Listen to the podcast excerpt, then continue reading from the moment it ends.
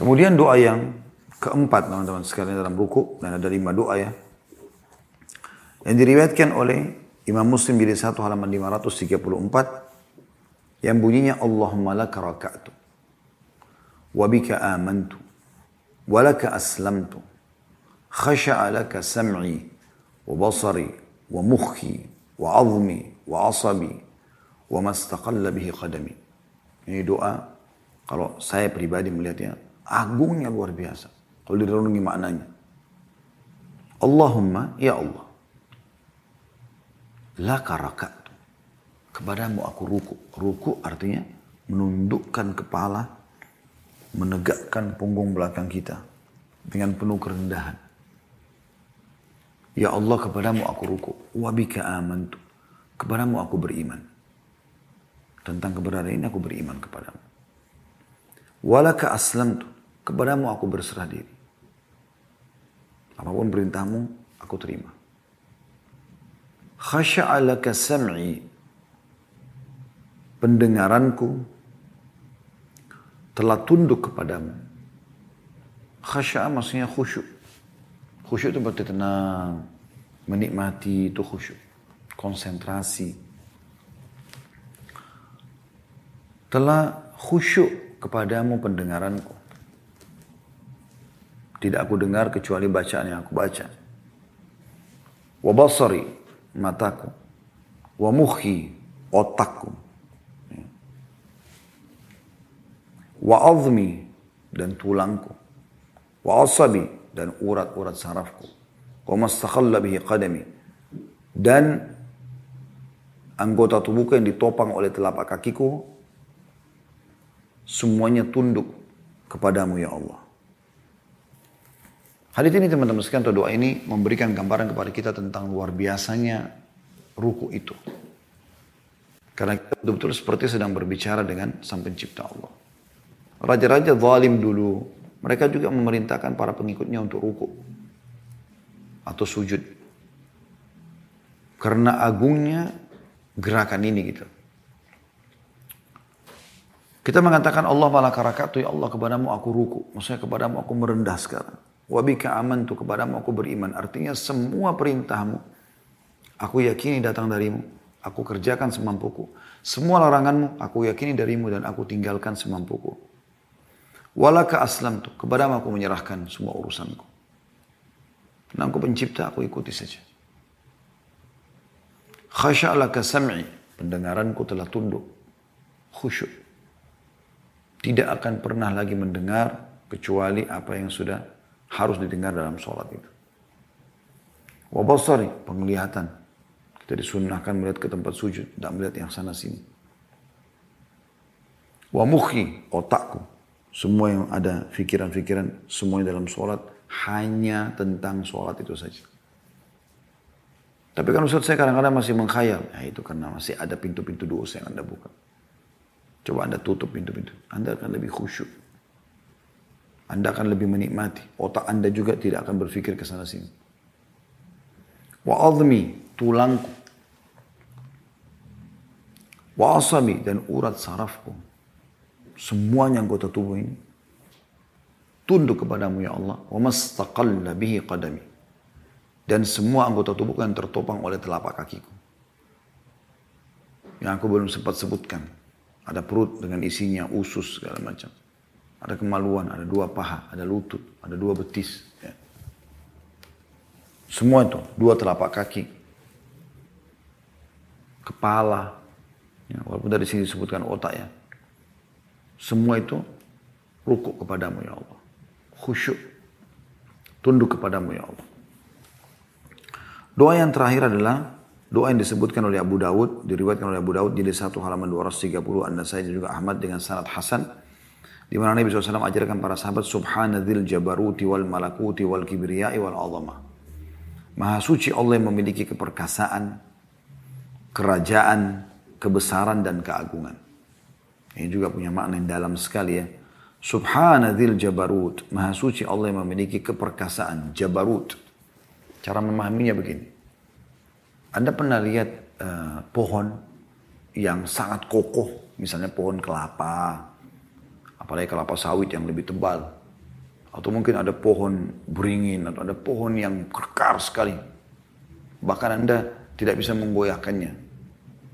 Motong pun harus membutuhkan alat yang canggih. Anda pernah lihat kekokohan itu?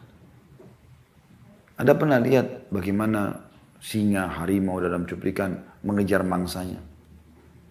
Bagaimana kuatnya dia? Bagaimana perkasanya? Hewan-hewan ini menerkam dari leher, menerkam dari ya, batang leher atas, menerkam di bagian kepala, menerkam di bagian dada, perut, dan segala macam. Anda pernah lihat teman-teman sekalian batu gunung yang keras kan? Bahkan Anda tidak bisa goyahkan. Semua itu yang keras-keras. Bahkan subhanallah kita manusia. Anda kalau punya anak kecil di rumah Anda coba praktikin. Saya coba kadang-kadang apa yang saya kerjakan di rumah pun saya coba hubungkan apa yang bisa menambah iman saya gitu. Ada anak saya kecil, Masya Allah masih mungkin umurnya 8 bulan sekarang. 8 bulan kecil. Dan saya juga lihat kakak-kakaknya sama dulu. Ya. Saya coba pegang, uh, berikan kepada dia dua jari saya. Kemudian saya pegang dengan jari-jari telunjuk dan saya pegang jari-jarinya dengan uh, jempol saya. Atau kadang-kadang saya kasih dua jari, telunjuk sama tengah, kanan dan kiri. Kemudian dia memegangnya dengan kuat, lalu saya tekan, tahan dengan jempol saya. Lalu kemudian saya angkat badannya, pelan-pelan. Itu ada power yang luar biasa. Masih anak kecil, power yang luar biasa. Pernah anda lihat anak anda kalau pegang barang lalu anda mau ambil, dia bagaimana mempertahankan. Padahal dia masih kecil kalau dibandingkan postur tubuhnya sama Anda beda jauh. Tapi ada power. Ada kekuatan. Kita manusia teman-teman, lihat jari-jari kita ini. Sekarang satu jari ini, apa sih komposisinya? Kulit, otot sedikit, urat-urat, tulang kecil. Anda sendiri mungkin bisa patahkan tangan Anda. Ya. Artinya saking lemahnya gitu sebenarnya. Tapi subhanallah, ini bisa mengangkat kresek yang beratnya 10 kilo. Kalau dua bisa lebih berat. Tiga. Satu genggam lebih kuat. Bahkan dengan telapak tangan Anda lima Anda bisa dorong mobil. Apalagi kalau dua tangan. Ada power di dalam diri Anda. Dari mana power itu? Kalau dua manusia digabungin. Kalau tiga manusia digabungin. Kalau sepuluh manusia digabungin. Kalau dua singa digabungin, sepuluh singa digabungin, bagaimana dahsyatnya, kuatnya. Semua itu teman-teman hanya sebagian kecil dibandingkan kekuatan dan keperkasaan Allah Subhanahu wa taala. Allah menyebutkan dalam surah Ar-Ra'd tentang masalah guntur. Bagaimana Allah SWT menggambarkan untuk memberikan rasa takut pada hamba-hambanya. Guntur yang menggelegar, kita semua dengar. Dari mana itu? Nggak ada yang buat suara itu keluar? Nggak mungkin. Kita sebagai orang Muslim sudah tahu Allah. Bahkan Allah sebutkan surah Ar-Ra'ad khusus. Dalam Al-Quran membahas masalah itu. Yusabbihu, yusabbihu ra'du bihamdi wal malaikatu min, min khifati. Sesungguhnya guntur itu dan para malaikat bertasbih kepada Allah karena takut kepadanya. Fenomena alam kita bisa lihat. Bagaimana dahsyatnya air dengan kekuatan yang luar biasa terjadi tsunami hancur semua bagaimana dahsyatnya angin badai api yang menyambar? Sekian banyak fenomena alam yang terlalu banyak membuktikan pasti ada penciptanya. Maka semua itu adalah Allah yang menciptakan. Dan Allah subhana zil jabarut memang jabarut maha perkasa. Semua itu Allah yang telah memberikan kepada mereka kekuatan. Wal malakut memiliki kerajaan yang sebenarnya. Ini semua presiden, raja, dunia ini kecil. Kita semua berada di satu kerajaan besar. Bumi kita ini dengan miliaran bintang-bintang yang lain berputar di alam semesta ini. Di bawah satu kerajaan raksasa besar. Salah satu sifat Allah adalah Malikal Mulk raja di atas raja. Saking mulianya istilah nama ini sampai kata Nabi SAW, nama yang paling Allah benci adalah kalau ada yang memberikan nama Malik al-Mulk, rajanya seluruh raja. Tidak boleh menggunakan julukan itu, karena itu hanya untuk Allah subhanahu wa ta'ala. Nanti pada hari kiamat kata Nabi SAW, Allah akan hancurkan semua. Apa yang ada di muka bumi dihancurkan semua. Lalu Allah subhanahu wa ta'ala akan mengatakan setelah semua hancur, Anal malik, anal malik, aina mulukud dunia. Akulah raja yang sebenarnya. Akulah raja yang sebenarnya dan mana raja-raja dunia. Allah subhanahu wa ta'ala betul-betul memiliki malakut, kerajaan yang sebenarnya. Dan itu semua akan nampak dengan kita dengan sangat nyata pada saat kita meninggal dunia.